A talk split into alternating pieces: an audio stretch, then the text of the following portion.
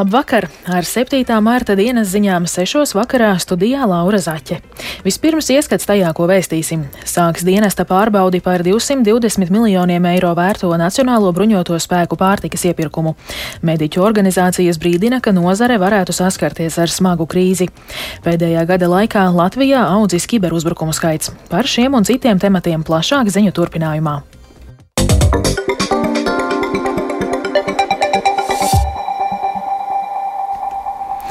220 miljonus eiro vērtajā armijas pārtikas iepirkumā aizsardzības ministrija konstatējusi virkni pārkāpumu, kas ļāvis uzvarēt mazam ēdināšanas uzņēmumam Zītari ZL, nevis kādam citam uzņēmumam, kuram ir pieredze loģistikā. Saistībā ar šo aizsardzības ministrija sākusi dienesta pārbaudi. Uz izmeklēšanas laiku plānots atstādināt arī pāris amatpersonas, kas ar iepirkumu ir saistītas. Vairāk Viktora Demīdova ierakstā. Vēl pirms dažiem gadiem Nacionālajiem bruņotajiem spēkiem bijusi pārāk sadrumstalota pārtikas piegāžu sistēma. Turklāt neviens no 130 līgumiem nenodrošināja, kā pārtiku piegādāt iespējamā kara laikā.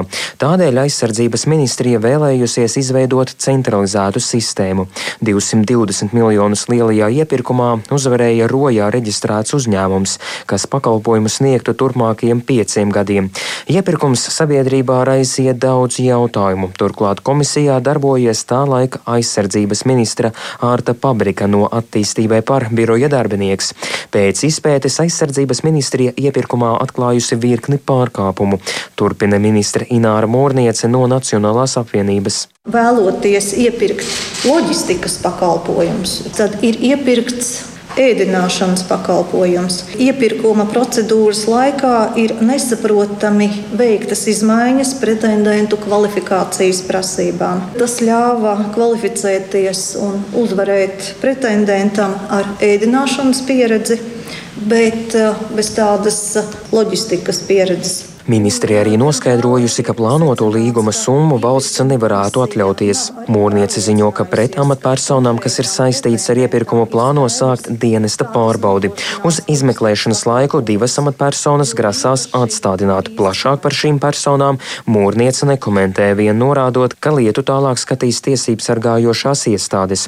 Savukārt ministrijas valsts sekretārs Jānis Garisons atzīst, ka par 220 miljonu vērtu iepirkumu uzzinājis no medijiem. Iepirkuma komisija jāvadās pēc iepirkuma plāna, un iepirkuma plāns paredzēja attiecīgi uz nākamajiem pieciem gadiem 8 miljonus. Tajā brīdī, kad iepirkuma komisija izlēma slēgt līgumu par šādu summu, iepirkuma komisija bija jāinformē gan bruņoto spēku apvienotais štābs, gan ministrija un jāprasa atļauja, vai šāda summa ir budžetā pieejama un attiecīgi vai tālāk līgums vispār ir slēdzams. Kopumā sistēmā gadā ir aptuveni 200 iepirkumu un mēs nevaram katram izsekot līdzi. Līgumu ar uzņēmumu valsts pagaidām nelauzīs. Mūrniece uzsver, ka gribētu redzēt detalizētāku izvērtējumu minētajam līgumam. Vai šis skandāls apdraud valsts drošību, Mūrniece atbild izvairīgi. Nu, tas ir jāīsteno pēc regulējuma, kas paredz arī drošības pārbaužu veikšanu attiecībā pret konkrēto uzvarētāju šajā iepirkumā. Diemžēl arī no šīs prasības konkrētā iepirkuma komisija atteicās. Minētās papildu pārbaudes valsts veiks tuvāko dienu laikā. Savukārt, lai tādi gadījumi turpmāk nenotiktu, ministri uzsver, ka valstī jāstiprina uzraudzība. Viktors Demidovs, Latvijas radio. Tieši pirms gada, 7. martā, Rīgā kongresa namā durvis vēra atbalsta centrs Ukrainas civiliedzīvotājiem, kuri no kara patvērušies Latvijā. Telpas jau divreiz ir mainītas, bet palīdzība turpinās. Vairāk stāsta Ieva Puķe. Palīdzību un informāciju Rīgas atbalsta centrā Ukrainas civiliedzīvotājiem gadu pēc kara sākuma ikdienu joprojām meklē ap 800 ukraiņu. Gan tādi, kuri jau šeit dzīvo, gan arī cilvēki, kas tikko ieradušies Latvijā. Reģistratūrā brīžiem pat veidojas rinda. Tur cilvēkus uzklausa Aleksandra, kura pati ar sešgadīgo meitu no Krivīrihas Ukrainas vidienē ar gadījuma transportu Latvijā iebrauca pirms gada 4. martā, bet 7. martā aizgāja uz kongresa namā operatīvi iekārtoto bēgļu centru reģistrēties. Atmosfēra bija hausa, no, naverna, v našих головах. Atmosfēra bija īsts hauss. Droši vien tas visvairāk valdīja mūsu galvā.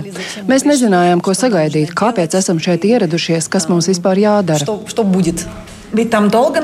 Vai ilgi stāvējāt rindās? Да, целый день. Мы были, начали 7 числа. Jā, visu dienu. Sākām 7. datumā no rīta pēc centra atklāšanas un beidzām 8. martā 6. vakarā. Bet visu paspējām.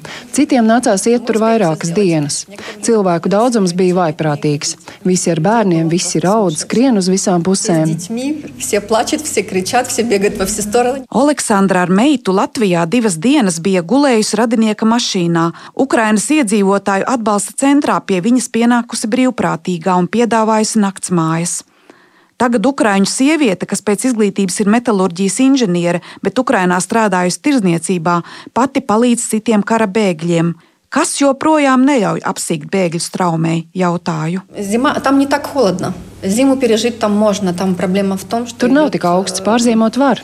Problēma ir tāda, ka lido raķetes un vecāki ļoti pārdzīvo par bērniem un baidās par savu dzīvību. Ir arī tādi, kuriem vairs nav māju, kuriem tās ir sagrautas. Tie brauc šurp. Pirms gada 9. martā Ukrainas iedzīvotāju atbalsta centrā ieradās arī tagadējais direktors Pēteris Grūbe, kam pirms tam bija ilga darba pieredze patvērumu meklētāju centrā Mucenieki. Viņš tikko bija atgriezies Latvijā no Rumānijas, kur steidzās palīgā Ukrāņu sievietēm un bērniem, kuru mašīna bēgot avarēja. Tā bija tāds viegls uzaicinājums, kad, lai es atnāktu apstīties, kas te kaut kas tamā darās. Nu, jā, nu, tas skats pirmais, protams, bija diezgan šokējošs. Pats fakts bija šokējošs. Arī tās pirmās cilvēku grupas, visas tās sejas un, un, un ko katrs tur pārdzīvo, to jau redz. Krīzes menedžments, nu, tas bija, jā, tāpēc tas bija, pirmkārt, tas bija mēra birojas, kas ļoti aktīvi tajā iesaistījās. Nu, praktiski tas bija tāds pašvaldības tāds labais piemērs, ka to var. Centrs šobrīd apvieno 13 valsts pašvaldību un nevalstisko organizāciju pārstāvniecības. Līdz februāra beigām Rīgā reģistrēti 20 982 ukraiņu bēgļi, tātad puse no visiem, kas reģistrēti Latvijā. Šodien uz centru kāds labvēlis atnesis torti, bet tās nebūšot gada jubilejas svinības, jo iemesls ir ļoti skumjš. Ieva Puķa, Latvijas radio.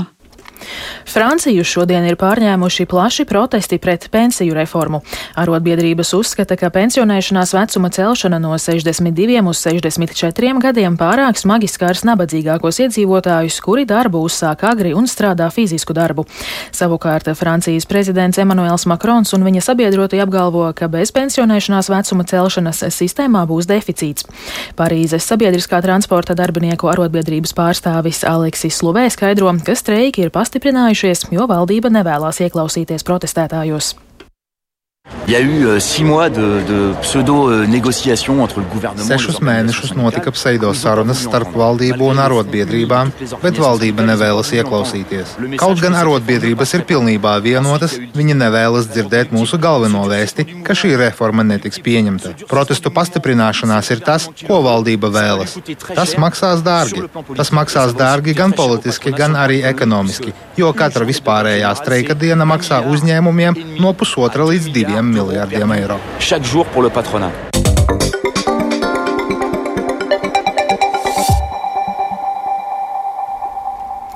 Latvijā mediķu organizācijas sāk gatavoties ārkārtas situācijai medicīnā. Par smago situāciju Latvijas veselības aprūpē vēstules nosūtītas Eiropas komisijai un Eiropas mediķu organizācijām, lai pievērstu starptautiskās sabiedrības uzmanību. Latvijas ārstu biedrības prezidente Ilza Aisilniece skaidro, ka pie esošā veselības aprūpes finansējuma un valdības attieksmes vēlākais vasarā nozarē iestāsies smaga krīze. Rīt saima galīgajā lasījumā skatīs šī gada budžetu. Aisilniece uzsver, ka deputātiem vēl ir laiks laiks glābt veselības aprūpi. Mēs šoreiz tomēr aicinātu pārdomāt, paskatīties, vai mēs nevaram palielināt savu uh, budžeta deficītu 2023. gadā par šiem 140 miljoniem un nodrošināt vismaz to minimālo veselības aprūpē, lai būtu normāla mūsdienīga onkoloģiska palīdzība, normāla ārstēšana cilvēkiem ar uh, mentālajām veselības problēmām un vismaz kaut cik netik mēs palielinātu uh, atbilstoši pieaugušai inflācijai algas veselības aprūpē strādājušiem. Tas ir viens. To vēl var izdarīt, ja grib. Otra vēl ir šī gadā tomēr būs arī budžeta grozījumi, un mums ir jāpiefiksē, kas tad ir veselības aprūpē vajadzīgs, un jāparedz, ja ne, ne no aprīļa, tad ar budžetu, tad, kad ir budžeta izmaiņas, uh, ir papildus ieņēmumu budžetā, ka tā nauda tomēr tiek novirzīta veselības aprūpē, jo veselības aprūpe ir brūkoša pašreiz Latvijā. Gadā, kad Krievija iebruka Ukrainā, Latvijā kiberuzbrukumu skaits no austrumu valstīm pieaudzis, bet šogad kiberuzbrukumos Latvijai vairāk iesaistās arī Ķīna. Tā liecina kiberdrošības iestādes CERTLV vērojumi. Vairāk Jāņa Kīņša sagatavotajā ierakstā. Pagājušais gads informācijas tehnoloģiju drošības incidentu novēršanas institūcijai CERTLV bija saspringtākais kopš izveides.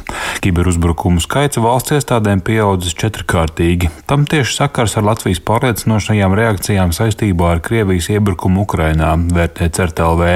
Šo pašu iemeslu dēļ līdzīgi novērojumi ir arī Lietuvā un Polijā, bet mazāk tālākās Eiropas valstīs. Kiberuzbrukumu izcelsme saimnes iekšējās drošības apakškomisijas sēdē sīkāk raksturoja CERTLV LV vadītāja Baiba Kaškina.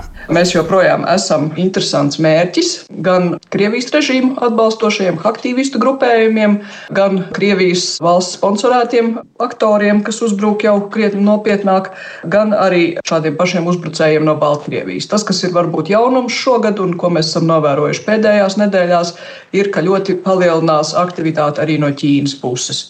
Droši vien mums jārēķinās, ka tas tikai var paplašināties. Visbiežāk novērota dažādu iestāžu mājaslapu nokausēšana ar mākslīgi radītu lielu apmeklējumu skaitu, tāpat dažādiem apšaubāmiem e-pastu sūtījumiem. Tomēr bijuši arī incidenti, kas, piemēram, ietekmējuši dažādu produktu sagādas ķēdes. Aizsardzības ministrijas parlamentārais sekretārs Jānis Eglīts vērtēja, ka situācija Latvijas kibervidē kopumā ir stabila, taču nevar atslābt. Uzbrukumu veidotāji gatavo arvien jaunas provokācijas, un kāda no tām var arī izdoties. Tas prasa pilnveidot normatīvo regulējumu šajos jautājumos. Līdzinājā politika valsts kiberdrošības stiprināšanā Eglīta vērtējumā nav pārāk veiksmīga. Šīs bīstamības ir kļuvušas ātrākas nekā mēs esam spējuši tam pielāgoties. Stratēģijas, kas ir bijušas, viņas vairāk ir darbojušās uz papīra, nevis realitātē praksē, un tas ir tas, ar ko mēs arī saskaramies. Ir bijušas tātad šīs, te, nu, piemēram, tās pašas Eiropas Savienības naudas apbūves, nepadomāt, eh, kā to moderēt, kā nodrošināt pilnvērtīgu aizsardzību. Ministrijā secināts, ka līdz šim Latvijā kiberdraudu jomā trūkst sistemātisku pārbaužu un ir visai neregulāra un fragmentēta uzraudzība. To šogad cerēts uzlabot ar Nacionālā kiberdrošības centra izveidas atvērsmes aizsardzības biroja pāraudzībā. Par to jau pērn lēma valdība. Šajā iestādē iesaistīs papildu personālu, kura tiešākie darba uzdevumi būs saistīti ar plānveida kiberdraudu novēršanu valsts sektoram un kritiskajai infrastruktūrai. Jānis Kincis, Latvijas Radio.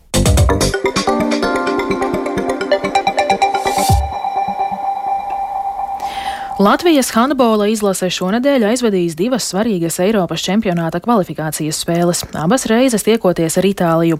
Pirmā spēle notiks ceturtdien izbraukumā, bet otrā svētdien Valmierā. Spēlēs nevarēs palīdzēt Parīzes Saint-Germain rindās spēlējošais Dainis Kristopāns.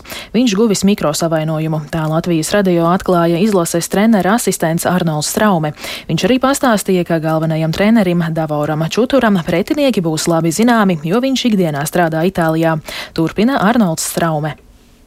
Nu, viņš ir, cik es saprotu, tur kontaktējās viņa cits cilvēks, viņam ir bijusi mikrotrauma un, un, un, un, un, un viņš pagaidām nav gatavs, bet es saprotu, ka viņš, ka viņš nav galīgi pateicis izlasē nē, un es domāju, ka uh, agri vai vēl mēs viņu redzēsim. Nu, nevis šitām spēlēm pēc ziņā. Pirmām kārtām esam tikušies, un otrām kārtām mūsu galvenais treneris tādā Itālijā. Tas ir, tas mums ir vēl vairāk informācija, un no viņa kluba arī, laikam, četri spēlētāji ir. Tā kā mums ir informācijas vairāk nekā, nu, varbūt pat, pat bišķi pa daudz. Tā kā mēs zinām par katru spēlētāju, it kā video esam visu, visu sagatavojušies.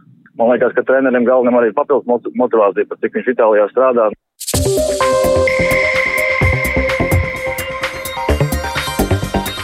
Ar to izskan 7. mārta dienas ziņas. Producents Viktors Pupiks ierakstus montēja Kaspars Groskops, pie skaņu pulsa Rīta Kārnača, bet studijā Laura Zaķe.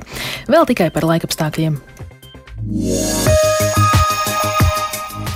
Gaisa temperatūra Rīgā šobrīd ir plus 1 grāds un pūš dienvidu austrumu vējš 6 m2. Atmosfēras spiediens 748 mm, bet relatīvais gaisa mitrums 60%.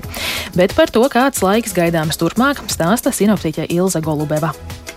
Gan trešdien, gan naktī uz ceturtdienu visā valstī gaidāmi nokrišņi. Galvenokārt tas būs sniegs, un tā kā snikšana būs spēcīga, sniega sagas biezums palielināsies par vairākiem centimetriem. Visā valstī vēja brāzmas sasniegs 15 līdz 19 m2, jūras piekrastē pat 20-23 m2, līdz ar to gaidāms arī putenis. Braukšanas apstākļi būs sarežģīti, ceļi būs slideni, uz tiem veidosies sniega sanesuma un pasliktināsies arī redzamība nokrišņu laikā. Naktīs gaisa temperatūra pazemināsies zem 0 grādiem un arī dienas būs vēsas.